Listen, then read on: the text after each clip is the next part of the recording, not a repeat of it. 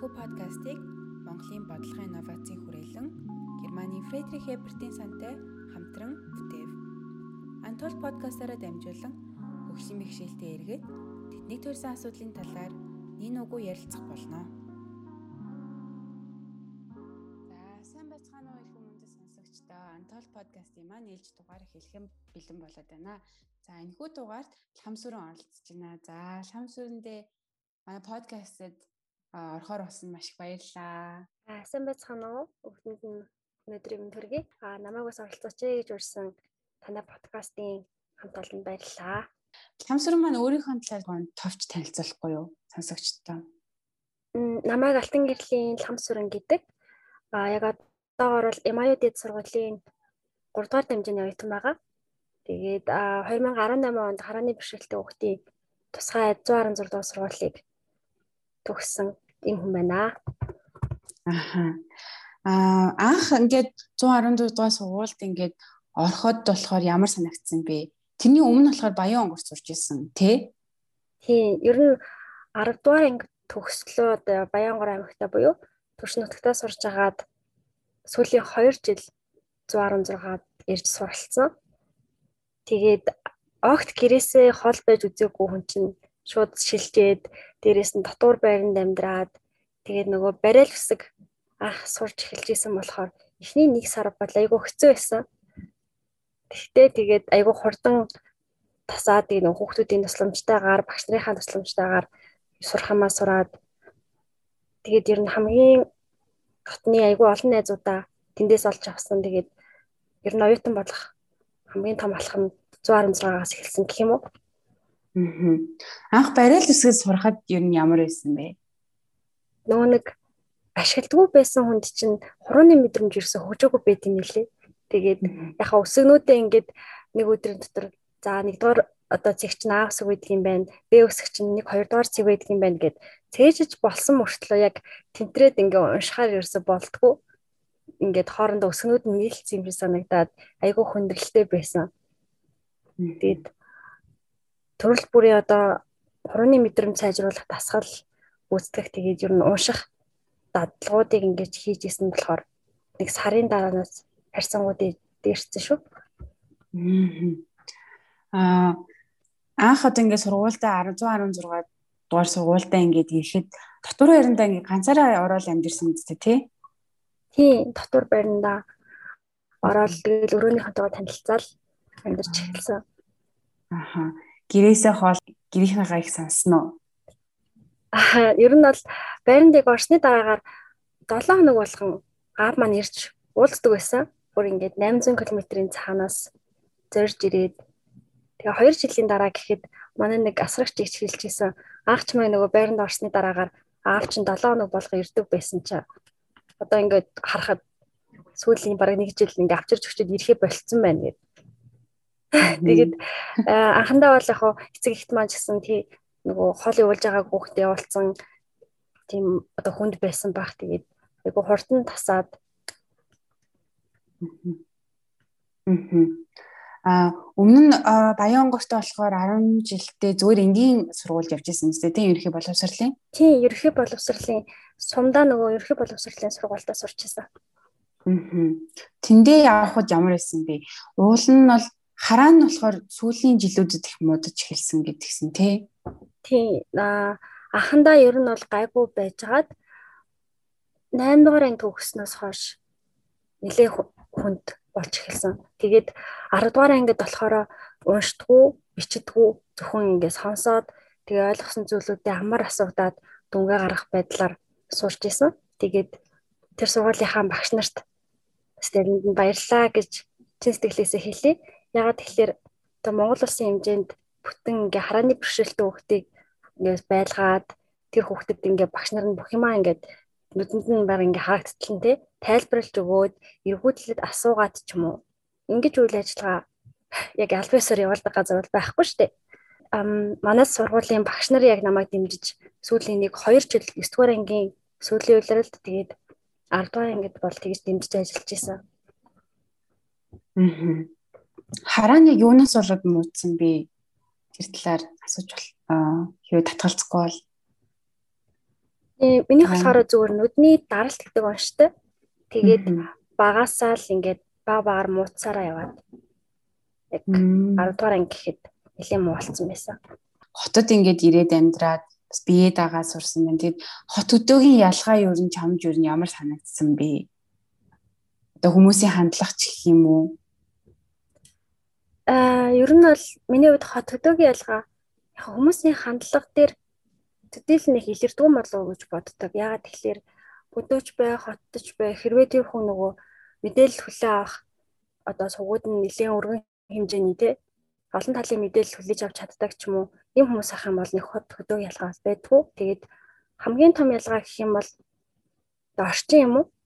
Тэгэж Улаанбаатарт бол хичнээн нөгөө стандартын бус замтай байна. Одоо явгууны зам дээр машинтай байна, шонтой байна гэл асуудлууд яригддаг ч гэсэндээ тэнд яхав өөрийгөө аваад явах боломж бас байдаг.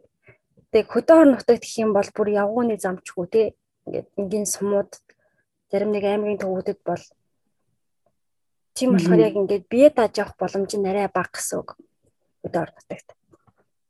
Тэгвэл хөвчлэн гэр бүлийнхаа гишүүдтэй ч юм уу таньдаг хүмүүстэйгэл хамт ингэж явна гэсэн үг үү? Тийм, ер нь хөдөө орон нутагт байхдаа бол тэгдэг. Одоо энд болохоор өөрөө ингээд би дагаад явчихж байгаа тийм ийш тийшээ хоттол. Тийм. Аа. Тэгээд замдаа ингээд явж хахад ч юм одоо жишээлх юм бол гэрлэн дохио ч юм уу тиймэрхүү асуудлууд ер нь хэр санагддаг вэ? Чимээ гаргахчгүй байдаг шүү дээ тийм ихэнх нь зүгээр гэрлэн л асцдаг. Тийм, ер нь бол дуурдаг гэрлэн дохионууд айгүй цөөхөн шүү дээ. Тэгээд яг хүн гихтэй газруудаар бол тэгэл тэр хажууд хүмүүсээ харж байгаа л явангууд нь дагаж явал тиймэрхүү байдлаар тэгээд ер нь ихвчлэн зам энэ төр гарахад бол хүмүүс аягүй тусалдаг. Одоо гэрлэн дэх асчлаа шүү гэд өөрөө гэрл одоо зам гарахгүй байсан ч гэсэн намайг харах юм бол зам энэ доо ногоо асчлаа шүү гэд хэлдэг ч юм уу те. Тиймэрхүү байдал нэг тэмцдэг. Аа тэгээд хүмүүсийн тусламж зэмслэг авах чамж ер нь өөрт чи ер нь хэр санагддаг вэ? Тэр тал дээр бол яг нэг тийм хүн юм бол байдгүй. Тэгэд тухайн нөгөө одоо тусалж байгаа хүмүүс маань илүү их сандраад байгаа юм шиг санагддаг. Төдийлөн бас нэг харааны бэрхшээлтэй үнтэй баг ингээ харьцаж санаж мэдэхгүй тий. Тэгээд магадгүй ингээд зам дээр явж байхад миний өмнө ингээд очно олон машин байлаа гэж бодоход тэр хүмүүс хараад ингээ илүү сандарчдаг. Бид нар бол ингээл дэрий чинь таягаараа тэмдрэл аа за за гэл ингээл тойрох газараар нь тойрол ингээл явчихж байгаа штеп. Ингээд харж байгаа хүмүүст жоохон хэцүү үед юм болов. Тэгээд тусалж байгаа хүмүүсийг анзаархад ер нь илүү сандарсан ч юм уу жага санаа зовсон байдлуудад чиглэгдээд байгаа юм шиг санагддаг надад миний хувьд бол. Аа харин би ч гэсэн одоо жишээлх юм бол гадуур явж байхад бас тухайн одоо хүмүүсийг хараад ингээ яаж туслахаас мэдэхгүй бас үеуд бас байдаг. Тэгэд чи одоо хүмүүст хандаад одоо яаж юу н одоо туслах юм бол яаж туслал зүгээр шүү эсвэл битнийг сандраар ч юм уу чамаас өгөх тийм зөвлөгөө байгаа болов зүгээр ингээд зам гарахт нь ч юм уу те ганцаараа явж байгаа одоо үгдийн харааны бэрхшээлтэй гэлтгүү зөв төв ямар ч хөрслийн бэрхшээлтэй магадгүй тэрхэн цэртэй хүн ч юм уу те явж хахад үнэхээр ингээд туслах байгаа бол нэгдүгээр тэр хүн яг өөртөө чинь дэжлэхэн хүн яг уртх замаа хараад өөрийгөө аваад явж байгаа арга нь л жахан өөр гэсэн үг. Нэр хувьд бол таягтай явж байгаа өөр бусуудаа тэрхэн цэртэй явж байгаа ч юм уу те. Тийм болохоор хүн л гэдэг утгаар нь хүлээж аваад нэг би одоо ингээ хэлж болох тохиолдол ч юм уу ингээд ярих хүчээр олохгүй ч юм уу тэ юу гэж хэлэхээ мэдэхгүй ингээд сандрах санаа зовох зүйлүүд байхгүй шүү. Бид нэр ингээд автобусанд одоо шилбэл ч юм уу өөр нэг газар ингээд огт танихгүй хүмүүс ингээд харалтаа зүгээр л ингийн ярь өрнүүлэх тохиолдол бидэн штэ. Яг тийм байдлаар ингээд хүлээж авч байгаарэ гэж хэлмээр байна сандрахаараа бүр буруу зааж өгөх тохиолдол бас байдаг. Магадгүй одоо миний баруун талд ингээд нэг зүйл ахад тэрийг мөрөгчүүдээ яснаа завсанд болоод хүй хүй цаашаа цаашаа гэдээ бүр баруун тийш нь болгодог ч юм уу тий. Ингээд сандарснаас болоод бас буруу зааж өгөх тохиолдлууд их гардаг. Тэгээд тэднэрт бол яг миний зүгээс тэгээ миний найзуудын зүгээс ингээд харж хахад нэг тийм эмзэгэлж хүлээж авдаггүй тийм байгаа. Аа манай ламсрын маань анх одоо Ямаюг англи хэлээр сурах болсон шалтгаан нь яг юу вэ? Яагаад англи хэлээр сурах гэж бодсон бэ? Эм ерөөхдөө бол бүгд миний өөрийн сонирхол тэгээд 10 жилд яг 4 дугаар ангид байхдаа анх англи хэлний хичээлийг үзчихсэн. Тэгээд тэрнээс хойш одоо яг бүх хичээлдээ сонирхолтой байсан ч гэсэндээ англи хэлд илүү сонирхолтой. Тэгээд гадаад хэл гэдэг утгаар нь одоо миний одоо маш тийм цоошин зүйл гэх юм уу. Дээрэс нь хэлтэй бол нөх хөлтэй гэж ярьдэн шүү дээ тий. Тийм болохоор миний хувьд бол англи хэлийг яадаг ч гэсэн айгуу сайн сурах хэрэгтэй гэсэн юм бодолтой байжгаад тэгээд 12 дугаар ангид ороод ер нь боловсрал хүний амьдрал айгуу чухал юм байна гэдгийг ойлгосон. Тэгээд ялангуяа тэр боловсролыг одоо түгээж байгаа хүн бол багш учраас ам багшийн мэрэгжил ер нь айгуу чухал мэрэгжил юм байна гэд өөрөө ч гэсэн бас тэр хүмүүсийн нэг болохыг ингээд зорж шийдсэн байгаа. Тэгээд ямар ч салбарын, ямар ч мэрэгжлийн одоо юу гэдгийг ямар ч албан тушаалын бүх хүмүүс ингээд багшаас төрсэн байгаа. Тийм болохоор ингээд ямар ч хичээл заадаг, ямар ч сургууль багшилдаг цэцэрлэг 10 жил хувийн актив сургууль хамаагүй. Тэгээ багш гэдэг хүний өөрөг оролцсон маш чухал учраас миний энэ мэрэгчлийг ингээд сонгож ямар эд сургуульд орох болсон. Аа төгсөөд хаана багшлана гэж боддөг вэ? Эм төгсөөд гэх юм бол яг 10 жилийн сургуульд а багшил зүтсхийг хүсдэг. Гэхдээ яг хөдөө орон нутаг ч юм уу те яг өөрийнхөө төгсөн 116 гэхээсээ илүүтэйгээр бүр зүгээр өөр энгийн тийм 10 жилийн сургуульд багшлахыг хүсдэг. Аа Шамсуран бас англи хэлний хажуугаараас IT чиглэлээр тэмтэнүүдэд ороод ингээд явж исэн. Тэгээд IT чиглэлээр өөрөө сурсан уу? Тэр юу нь яг яаж явж байгаа тэм тэмтэнүүдэд орох болсон бэ? Тэр чиглэлээр болохоор яг сурж исэн юм бод байхгүй. Тэгээд одоо санаж хахад сургууль дээр л одоо зарлал нь ирсэн байсан баг нөгөө ширхэг сүнсний төвөөс Монгол улсын хэмжээнд одоо хөгжлийн бэрхшээлтэй хүмүүсийн дунд одоо IT тэмцээн зохион байгуулад тэндээс шалгарсан хүмүүсийг нөгөө гадаадд буюу одоо Аз хөндлөн бүсийн орнуудын дунд болох тэмцээнд бэлдэж авч явна гэд тэр зарлалыг дагуу тэгээд мэдээлзэн багштайгаа хамтраад нэг хэсэг бэлтжижсэн. Тэгээд тусгаалд сурсан зүйл бол байхгүй. Тэр нь нөгөө хэрэглээний програмууд дээр ингээс суурилсан одоо шилбэл тулгуур хөдөлгөөний бэрхшээлтэй хүүхэд гэх юм бол PowerPoint ч юм уу те харааны бэрхшээлтэй хүүхдийн төрлийн Excel дээр ч гэдэг юм уу хэрэглээний програмууд дээр байдаг болохоор илүү амар байсан. Ер нь бол. Аа тэндээс тэгээд баг болоод дөрөв хүүхэдтэй хамт тийм Аасам хондлын бүсийн орнууд дунд болдог тэмцээнд орсон юм билээ те. Тийм тэр тэмцээнд дөрөв одоо ингээд хөглөм бэрхшээлтэй дөрөв өөр төрлийн бэрхшээлтэй дөрвөн хүүхэд нэг баг болоод одоо ингээд оролцдог гэсэн үг.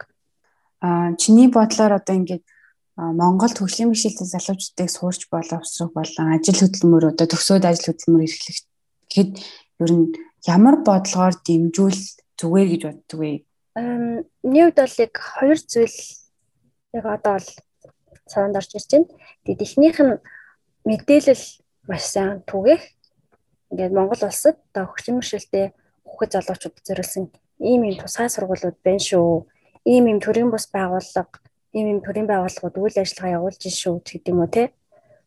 Тэгээд одоо Монгол улсын хөгжлийн бэрхшээлтэй хүүхэд залуучуудын төлөөлөл ингэж сурч боловсрч юм, ингэж ажилд хөдөлмөрлөж шүү гэдэг зүйлийг харуулдаг юм бүр ингэ тасралтгүй мэдээлэл хүргэдэг байгаасаа гэж үздэг. Тэгээд мэдээлэлгүйгээсээ болоод одоо хөгжлийн бэрхшээлтэй хүүхдээ гэртээ байлгаж байгаа. Тэгээд аав нь ч юм уу ээж нь заавал ингээд харж явах хэрэгтэй ч юм уу те. Ийм айл өрхүүд бол зөндөө байгаа. Тэгээд цэцэрлэгийн насны 10 жилийн хүүхдүүд бүр ихтэй сургуулийн одоо 21-с дээш насны залуучууд ч юм уу. Гэртээ байдаг хүмүүс зөндөө байгаа. Тэгээд тэр хүмүүст ойлголох эсэг ихтэн зориулсан мэдээлэл тухайн хүмүүс өөрсдөд нь чиглэсэн мэдлэг мэдээллийг ингээд хаалттай өргөж байгаасай гэж миний хувьд бол боддог. Тэгээд өөр нэг зүйл нь гэх юм бол эргээд нөгөө хууль хяналтаа одоо ингэж илүү сайжруулахаас гадна нэг юм хяналт бас сайн тавьж байгаасаа гэж үздэг. Тэр нь одоо юу гэсэн үг юм бэ гэхлээр жишээлбэл юу гэдгиймдээ төрийн бус байгууллага одоо байлаа гэж үтэй л бэрхшээлтэй хүмүүсийн талаар үйл ажиллагаагаа явуулдаг. Тэгэхэд энэ байгууллага хичнээн хүнд хурц ажиллаж байна. Одоо ямар ямар үйл ажиллагаа хийж байгаа ч гэдэг юм уу. Тэр болгоныг эргээд ингээд хяндаг, тэр болгоныг ингээд тоо баримттайгаар ингээд дүгндэг. Тийм тогтолцоотой болвол бас зүгээр байх гэж боддөө штэ. Аа судалгааныхаа талаар танилцуулахгүй юу? Тэрэгцэртэй иргэдийн ариун цэврийн асуудлыг шийдсэн түгээмэл загвар бий болох гэд судалгааны ажлыг гурван найзтайгаа дөрвөн найзтайгаа илүү хийж нэм хамтарч хийсэн байгаа тий. Тийм өнгөрсөн 2000 яг 20 оны сүүлээр хөгжлийн бэрхшээлтэй иргэдийн агентлагаас тэг засгийн газрын дэмжлэгтэйгээр нэг тэмцээн одоо эрдэм шинжилгээний хурал зарлагдсан байсанд өөрхөн судалгааны материалыг явуулсан. Тэгээд тэрэгцэртэй хүмүүсийн одоо олон нийтэд ингээд өөрчлөл олон нийтийн байгууллагуудаар өөрчлөлөд явж байгаа ч юм уу те ариун цэврийн асуудлыг одоо ихэр шийдэж өгсөн байна гэдэг талаар судалгаа ихэр шийдэд ингээд явж байхад бол аа нэлийн бага хувь нь нөгөө хүртээмжтэй нойлыг бол тогтчулсан ганц хоёр газрууд те ийм арт ч гэх юм уу иймэрхүү томоохон газрууд нь тэгээд ихэнх газруудад бүр ингээд тэрэгцэртэй хүн битгий хэл баг энгийн хүн ороод ингээд эргээд таалгаа хахад багт харах тийм жижиг зайтай ч юм уу те. Тийм угалгын уруудтай ариун цэвэр үртэй газрууд бас байсан. Тэгээд а ер нь бид нэр ингээд аягүй ярьдээ штэ. Зам нь одоо болохгүй байх гэдэг ч юм уу налуу зам дотоод байна гэл те. Ингээл ариун цэврэнүүдэд болохгүй юм юм уу. Гэтэ ингээд хууль төрөнд байгаад байгаа мөртлөө энийг яг хэрэгжүүлж гинүү танах гэдгийг хяндаг тогтолцоо нь аягүй сул байгаад байгаа юм болов. Тийм болохоор яг тухайн газрууд маань тэр тал дээр нэг анхаарахгүй ингээ орхигдуулаад яваад байгаа юм болов гэсэн төгөөлтөд бол бид нэр хүрсэн. Тэгээд а ямар ч хүн ороод үйлчлүүлэхэд ямар ч хүн ороод ашиглах боломжтой юм түгээмэл загварыг нэр ингээд бий болгож хэрэгжүүлэх хэрэгтэй байна гэсэн юм санааг бол судалгаараа дамжуулж гаргасан юм. Аа чиний бодлоор тэгвэл ягаад энэ одоо байгууллагууд тэр одоо хөгжлийн бэрхшээлтэй иргэдийг авч үзэхгүй ингээ хөргдүүлээд байна гэж чи боддог вэ? Хууль дүрмэн сулаас болоод өө яг юунаас болдог гэж чи боддог вэ? Эм яг олон зүйл нөлөөлж байгаа байх. Тэгээд хуулиндаа бол журмууд нь байгаа. Яг 100% хангалттай гэж бол хэлэхгүй. Гэхдээ тодорхой хэмжээнд одоо орон сууцны угаалгуур юм байх хэвээр гэдэг ч юм уу. Ийм барилгуудыг одоо угаалгуурын талбайдаар хаж юм байх хэвээр гэдэг зөндөө ол юмуд ингэж байгаа даа тий жишээлбэл тартэлэн замтай байх хэвээр ингээд явгууны зам. Гэхдээ саяны хэлсэнчлэн яг эргээд яг энэ шаардлагууд ингээд биелж гинүү гэдгийг хянаад хариуцлага тооцдог тогтолцоо сул байгаа байх. Нөгөө тал дээрээ тухайн хийж хэрэгжүүлж байгаа одоо тэр барилгыг тэр замыг тэр дэд бүтцийг бий болгож байгаа хүмүүс нь өөртөө мэдээлэл дутуу. Яг юу гэдгийг тухайн барилгыг, тухайн замыг хэн зөрүүлж барьж байгаа вэ гэдгийг одоо ингэ хангалттай бодож үзэхгүй байгаа юм болов. Зүгээр л ингээд тэн дээр хүн болгон алхаад явах юм шиг тий. Тэн дээр хүн болгон ингээд урт цамаа зүгээр ингээд хараад алхах юм шиг боддог байвал тэнэс болоод жоох юмрхүү алдаатай стандартын бус бид бүтцүүд олноороо бий болсон байх. Тэгээд нөгөө нэг олны одоо юу гэдгийг гадаадын улс орнуудад бол тэр чинь энд ингээд харааны бэрхшээлтэй хүн явна, трансфертэй хүн явна гэд бүгднийг ингээд тооцоолж хийж хийж байгаа учраас одоо стандартын дагуу болж өгдөг гэсэн үг. Монголд болохоор тийм юм дутмаг ерөөсө тооцохгүй л гэсэн үг юм байна тий. Тийм миний хувьд бол яг тэгж л харж байгаа. Аа чи бас хэлсэнчлэн одоо хөгжлийн бишэлтэй иргэд маань өөрсдөө бас нөгөө одоо мэдлэг мэдээллээр дутмаг жирийн иргэд ч гэсэн мэдлэг мэдээллээр дутмаг байгаа шүү дээ одоо ингээд тэгэхээр чи яг яаж одоо ингээ хүмүүст мэдээллийг түгээж одоо хөгжлийн бишэлтэй иргэдэд ийм тусгай хэрэгцээ шаардлага байдгийг шүү. Тэгэнгүүтээ хөгжлийн бишэлтэй гэж гисэн. Хууль дүрм нь одоо биднийг хамгаалж байгаа хууль дүрм нь ийм байдаг шүү гэд. Энийг өөр нь яаж одоо хүмүүст таниулах ёстой вэ гэж чи боддог вэ? Чиний бодлоор? Аа миний бодлоор одоо нөгөө бүх зүйл ингээд захимжсан тийм үед магадгүй юм захимд гуц байх хэвээр болоо тий. тийм ямар ч хөгжлийн бэрхшээлтэй хүн эсвэл хөгжлийн бэрхшээлтэй хүний талаар мэдээлэл яаж байгаа хүн хандах боломжтой. Тийм захим хуудсыг хөгжүүлэх хэрэгтэй ба. Тэгээ төрөл бүрийн мэдээллүүдийг тэндээ тасралтгүй оруулдаг, хөгжүүлдэг байх хэрэгтэй баг. Дээрэс нь одоо тухайн одоо хөгжлийн бэрхшээлтэй хүүхэд залуучуудын эцэг эхчүүд тэднэр зориулсан сургалтууд сайн зохион байгуулдаг байгаасай. 10 жилийн хүүхдүүдэд зориулж хөгжлийн бэрхшээлтэй хүмүүсийн талаар сургалт зохион байгуулдаг байгаасай гэж бодож байна. Тэгэд төрийн бус байгууллага болон төрийн байгууллагууд бол айгүй олон байгаа.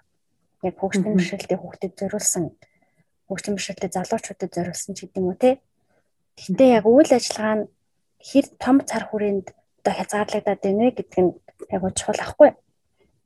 Тийм болохоор тэгдэг ерөөсөн заавал хөгжлийн бэрхшээлтэй хүний тухай сургалт ихээр л хөгжлийн бэрхшээлтэй хүнд ч юм уу хөгжлийн бэрхшээлтэй хүний эцэг ихэд заавал хийх ёстой биш. Тэрийг зөв нийгэм даяар нь хүн болгоно ингээд зориулж хийдэг. Тэгээд хөгжлийн бэрхшээлтэй хүмүүсийн талаар контент хийх гэж байгаа бол тэр нийгэм даяар нь хүн болгоно зориулсан байдлаар хийдэг ч юм уу тий. Зөв цэцэрлэгийн хүмүүстэд зориулсан контент яагаад байж болохгүй гэж Тэгэж хийвэл мэдээллийг илүү нээлттэй, хүртээмжтэй тэгээд нийгэм даяараа тэгш олж авах юм болов. Аа чиний бодлоор ерөнхийдөө ямар хуу контент байвал хүмүүст их хөрнө гэж боддог вэ? Яг төрөл бүрийн зүйл байж болно л доо. Тэгээд хамгийн одоо энгийн жишээ нь одоо Монголын одоо хүүхэлдэйн канонууд биш үү те. Тэгвэл хүүхэлдэйн канонд яагаад нэг юм хөгжлийн бэрхшээлтэй хүүхдийн ч юм уу дүр оруулж болохгүй гэж Тэгэх юм бол тэр чинь аа ийм хүн байт юм биш үү гэд цэцэрлэгийн насны хүүхдүүд ингээ мэдээд эхлэх байхгүй тий. Магадгүй ингээ тав найзсан тухай хүүхэлдийн гэмдэ хийлээ гэж бодоход тэдний нэг нь яг харааны бэрхшээлтэй тэд ингээ бариалаар бусдаа ном уншиж өгдөг ч юм уу тий.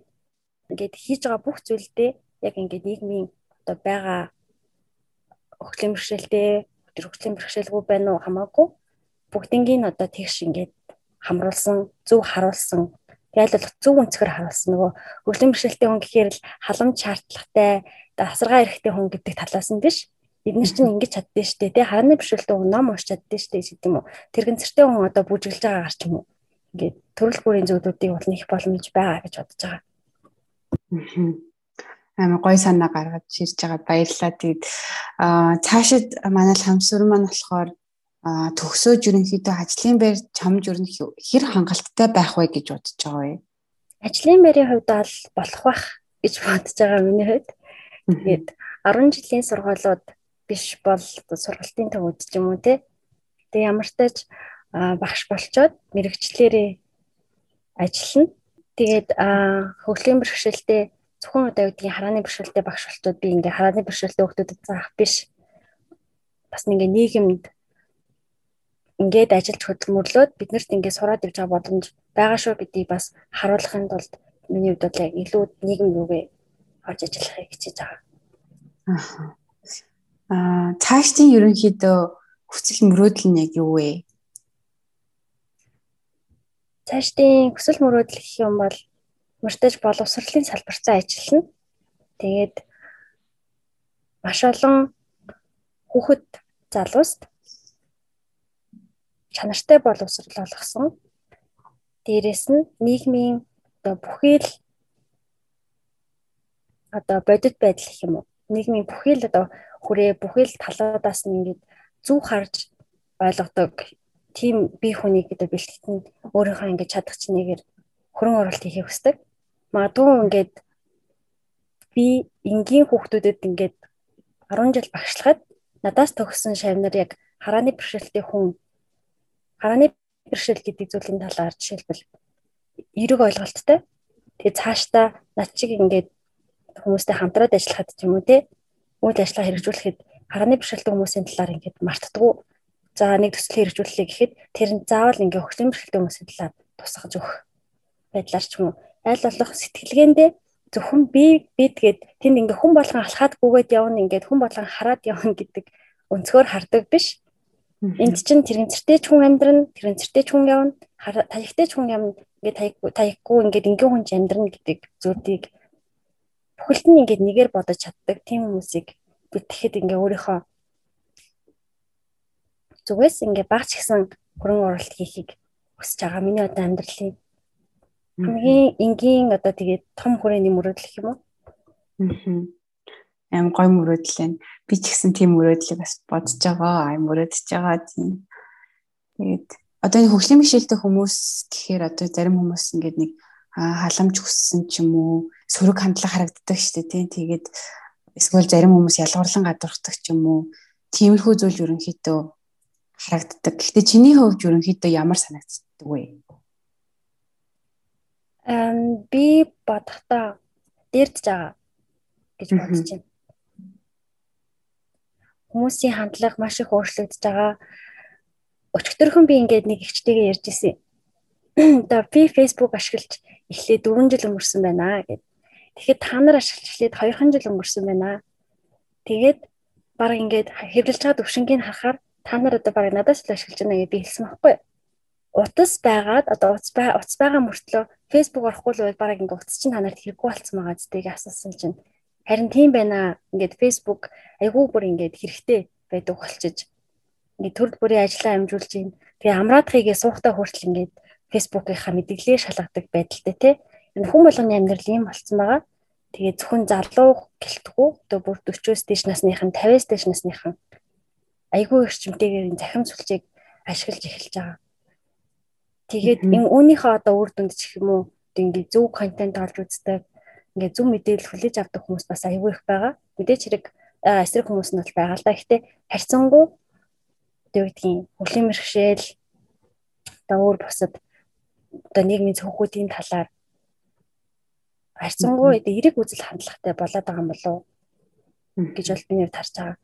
Тэгээд яг тодорхой хэмжээнд жижиг сажиг одоо үл ойлголцол жоохон зайгаа барих асуудлууд бол байна. Гэхдээ тэр маань яг одоо гадуурх чийч гэдэг юм уу? А энэ хүн юу хийж чаддгийг ань чи хөгжлийн бэрхшээлтэй юм байна гэсэн өнцгөөс илүүтэйгээр яг яаж харьцах нэг учраа болохгүй ихэнд хэлжсэн тий. Тийм байдлаасаа болоод магадгүй одоо ингээд би ингээд сууж дахиад над дээр ирээд хүү сайн уу гэд мэдлэхэд яг л гэдэг юм ингээд санаа зовсон бие барьсан тохиолдлуудаасаа болоод жоохон зайгаа барих тиймэрхүү зүйлүүд хаяа нэг ажиглагддаг. Тэгээ бусад нэг юу гэдгийг айгүй нүүрмгийн хүмүүс бол сайн уу хурж ирээл мэдлээл те намайг таньж гинөө миний хоолыг таньж гинөө ч гэдэг юм уу. Иймэрхүү байдлаар тайр завчдаг. Чамд болохоор одоо яг тийм нүүрмгийн хүмүүс шиг ирээд ингээд харьцаад явсан чамд ямар гоё яадаг уу? Тийм ер нь бол тэгдэг гэсэн үг. Тэгээ ганцаараа байж ахаар бас ингээд хаяа нэг хүмүүс орж ирэх юм бол яг яах учраа олдгүй юм шиг байна. Дууртгүй Тэгээ би ингээд амар гахаад яг төрөлөд ингээд хэл дуурангууд мэдлээд ингээд яг намайг яриад эхлэнгүүт зүгээр яриад эхэлдэг. Тэгэхээр жоохон нэг тийм тэнд бол амар том асуудал бол биш. Зүгээр жижигхэн юм хаалтаагаад байгаа юм. Тэгээд аль нэг нь эхлээл одоо сайн уу юу вэ гэд ингээд яриад эхлэхэд нөгөөх нь ингээд тэр хэрээр нь чөлөөтэй мэдрэмж аваад яг хооронд нь ингээд харилцаараа үүсчихдэг аа чамаас бусадаас одоо ингээд харааны бэрхшээлтэй хүмүүс бас Монгол зөндөө байгаа. Тэгээд ерөнхийдөө тэр хүмүүст ер нь тулгардаг саад бэрхшээлүүд одоо ингээд Монголын нийгэм зөнөөгийн нэгэд ингээд амьдрахад гарч байгаа тулгарч байгаа энэ асуудлууд ер нь яг юу вэ? Юу байдаг вэ? Тийм асуудлууд дээчрэг одоо маш олон асуудлууд байгаа. Тэгээд яг үннийг ингээд хэлэхэд бол миний зүгээс харж байхад Монголын хөгжлийн бэрхшээлтэй хүмүүс зөвхөн харааны бэрхшээлтэй ч гэлтгүй Монголын хөгжлийн бэрхшээлтэй хүмүүс зөвөр энэ хатуу ширүү нуур амьсгал гэдэг шиг энэ орчин нөхцөлтөө бараг тасчихсан байдаг. Ичнээ ингээл замчин болохгүй айн шон байна, машин байна гэдэг юм ингээ асуудлууд байн яригадаад идэг мөртлөө тэрхэн цэртэн орох гэдэг нь автобус чинь тэг ингээ налуу зам алгах ч гэдэг юм ингээд яригадаад идэг мөртлөө ингээд тассан байдаг. Тэр орчин ингээд яаж хийж байгаа л өөрийгөө аваа явчихдаг. Гэхдээ инглигээд орхиж болно гэсэн үг биш. Аль болох одоо бэрхшээлтэй хүмүүсийн оролцоог хангах. Тэгээд тэр хүмүүст боломжийг нээж өгөх талаас нь олон олон зүйлийг хийгээсэй гэж хүсэж байна. Тэгээд мэдээч хэрэг зөндөө олон асуудлууд байгаа ч гэсэн тийм миний хувьд яг одоо юу гэдгийг хөгжлийн бэрхшээлтэй гэдэг нэр том юунаас болоод мэдээлэл авч чадахгүй, сургууль сурч чадахгүй байгаа хүүхэд багчуудад илүү анхаараасай гэж хүсдэг. Аа тухайн хүүхдүүд манд яагаад ер нь сургууль сурч чадахгүй байгаа гэж чи боддог вэ? Тэнд ер нь эцэг эхийн одоо хандлагын нөлөө байна уу? Эсвэл за энэ хүүхэд одоо хөгжлийн бишэлтэй юм чинь сургаад явах юм ч юм уу эсвэл тухайн сургах яг тийм одоо тохиргоотой орчин бүрдээг байна уу? Яг юунаас болоод байгаа юм бол? Яг хүн хүн болгон дээр ингээд өөр өөр танууд байгаа бах. Тэгэхээр миний бодлоор ерөнхий одоо зүйлүүд гэх юм бол хөдөө нутагт байгаа тохиолдол илүү олон байгаа бах гэж бодож байна. Яагаад тэгэхээр түрүүний хэлжсэнчлэн Монгол улсад бол ганцхан харааны бэрхшээлүүдэд зориулсан тусгай сургууль байгаа. Тэр нь Улаанбаатар хотод. Тэгэхэд харааны бэрхшээлтэй хүүхдүүд хүүхдүүдийн эцэг их дотор хідэн хүүхдээ тийш нь шууд явуулаад дотор байранд байлгах хэмжээний зориг гаргах уу те. Тэгээ бас хотод байнга байрлаад хүүхдэд 100 гэх юм бол тэр чинь бас хэцүү шүү дээ. За нөгөө талаас нь таны хэлсэнчлэн нөгөө эцэг эхчүүдийн хандлагын асуудал бас байгаа. За би л хүүхдээ мэд чинь те би гаргасан. Миний хүүхэд би л харж яхад болно. Өвдчихгүй эрүүл гэртээ ингээл байж ивэл болоо гэдэг үнц өнцгөр ханддаг эцэг эхчүүд бас байгаа байх. Тэгэд тийм хүмүүс байгаа бол таны хүүхэд шиг өчнөө олон хүүхдүүд 100 100 хүүхдүүд сураад их сургуульд ороод ажил дээр гараад бусдын адил ингээд амьдарч байгаа жишээнүүд олон байгаа шүү гэж хэлмээр байна. Тэгээд өөр нэг зүйл нь гэх юм бол түүний дахиад хэлжсэн шиг мэдээлэл дутуу байгаа. Тэгэхээр болно шүү, ийм ийм боломжууд байна шүү гэдэг нь одоо ингээ өөрсдөд нь хүрэхгүй болохоор тэр хүмүүс мэдэхгүй байхгүй. Тэгээд нөгөө хүн хизээч сонсож байгаагүй, харж байгаагүй юм а мөрөөддгүү.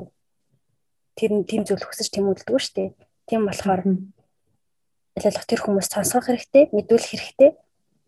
Тийм ажлуудыг нийгмийн зүгээс ингээд амар их зохион байгуулах шаардлагатай болов гэж боддог.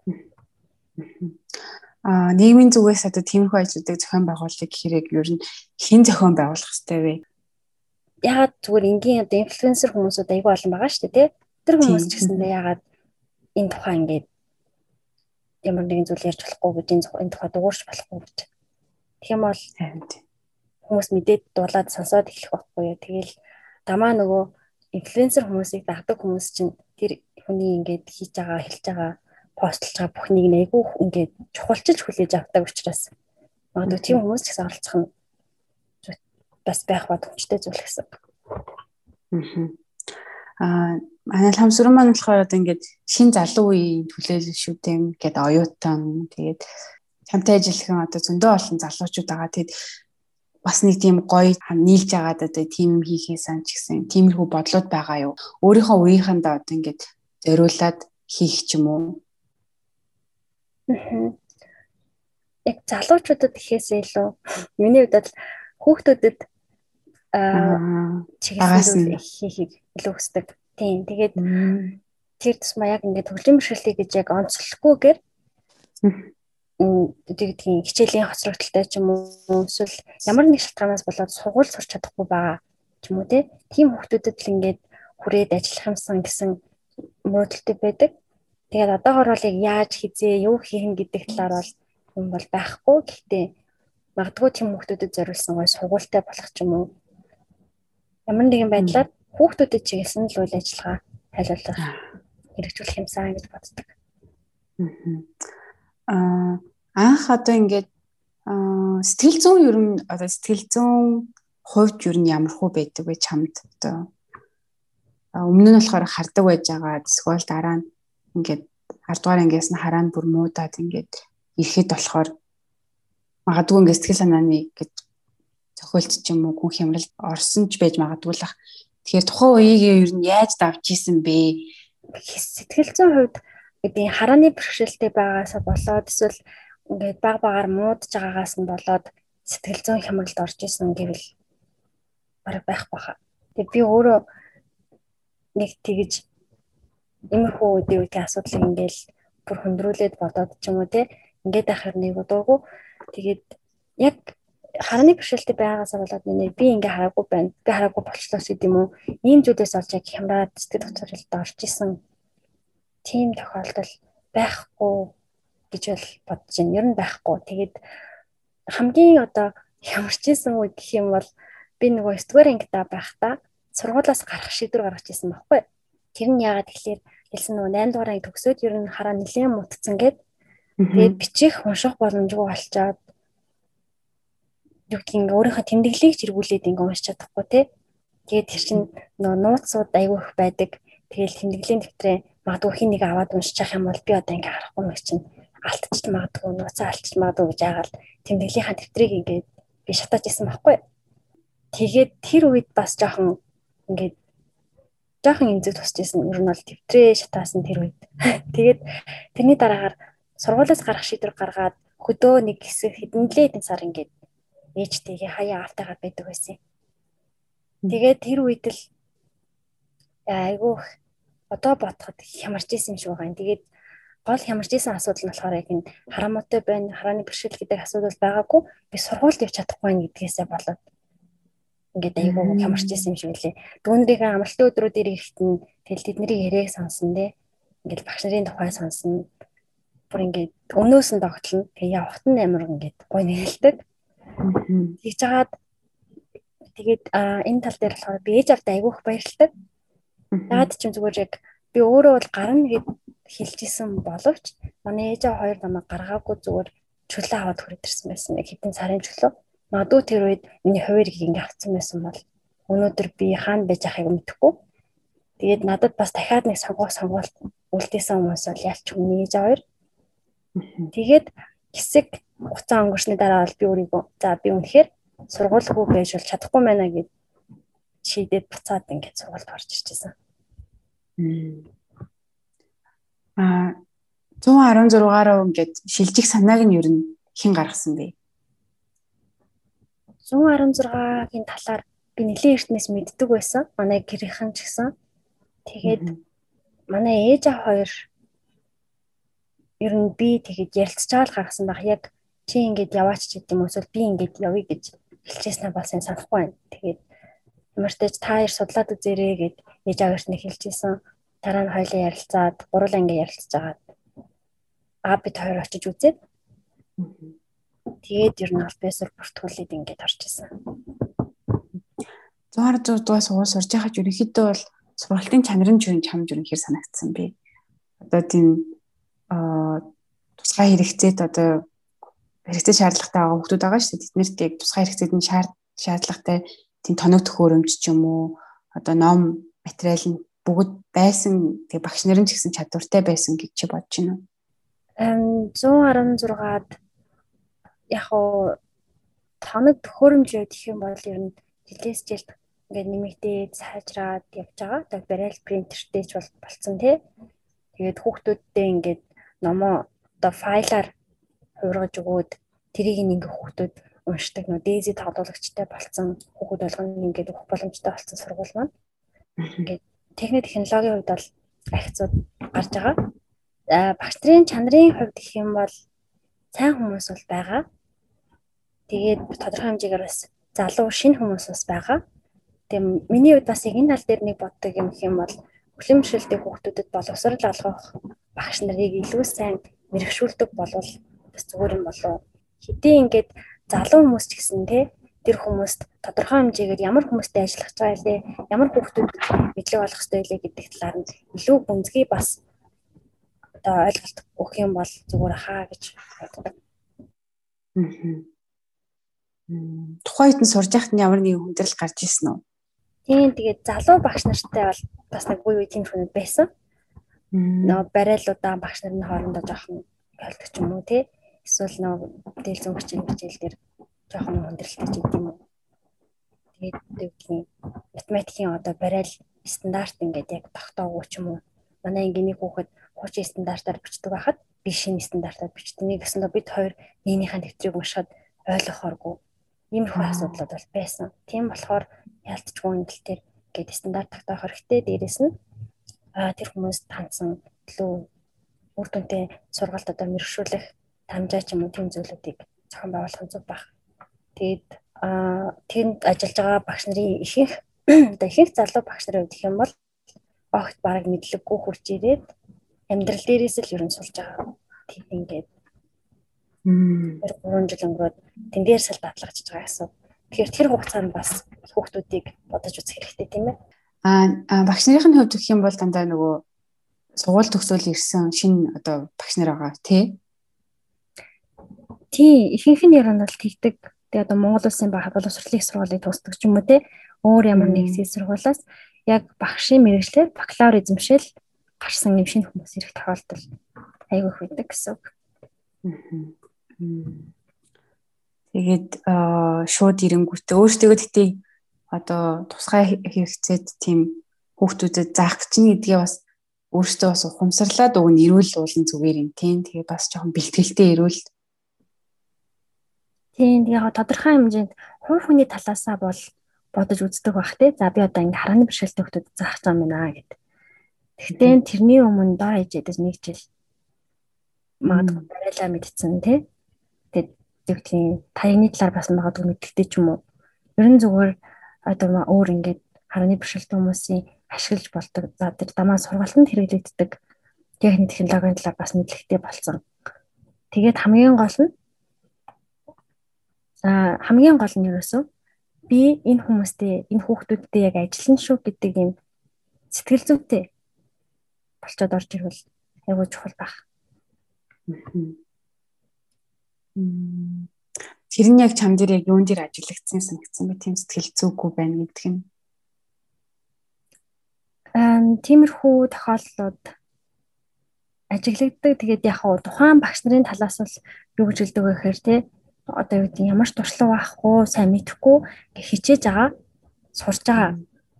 Тэр нь бол үнэн гэхдээ бидний зүгээс бол тэр чинь дамаа сурагч тэнд ингээд хэрвээ хогорж явах юм бол ч юм уу те тодорхой хэмжээнд юм сурахгүй ингээд цаг хугацаа өнгөрж явах юм бол энэ бол хохирол ахгүй юу? Тийм учраас аль болох болгочи бүтэчи ингээд заачи би ингээд мэдхгүй байгаа сурыг гэдэг хүмүүс байх хэрэгтэй юм болов Одоо ингээд ерөнхийдөө подкастын маань цаг ингээ өндөрлөгдөх чинь тэгээд хамгийн сүүлийн асуултаа асууя. Тэгээд ковид цар тахлын нөлөө тэгээд чамд болон танай гэр бүлж ер нь хэрхэн тусч байгаа вэ? Ер нь бол нэлийн хүнд тусч байгаа гэх юм уу? Яг уу одоо нэг вакцинжуулалтандаа ингээ хамрагдсан байгаа. Тэгээд гол нь нөгөө ээж аваасаа ингээд жоохон хол байгаа. Одоогор бол манай ээж хоёр өөртөө малчин хүмүүс.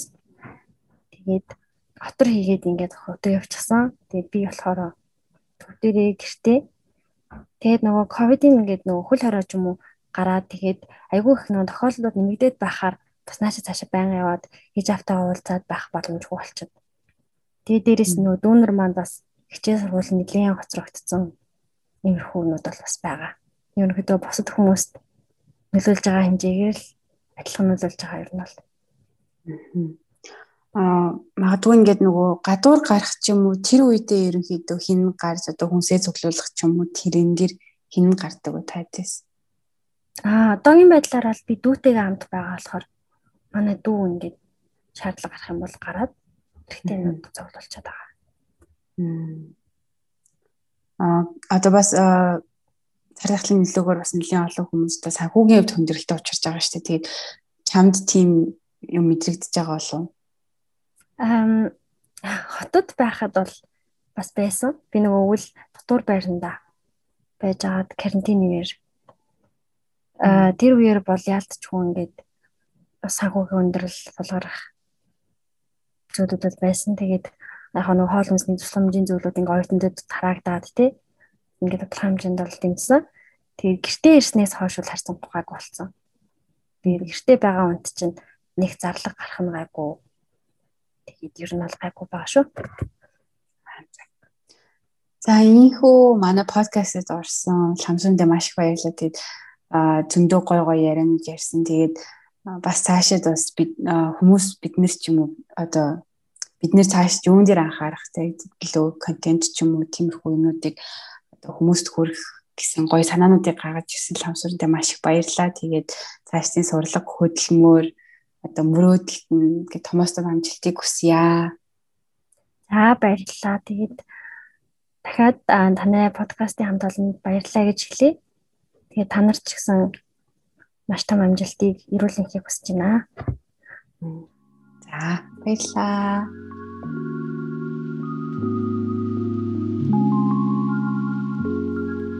танд подкастын маань энэхүү дугаар таалагдсан бол илүү олон хүнд түгээхээ битгий мартаарай.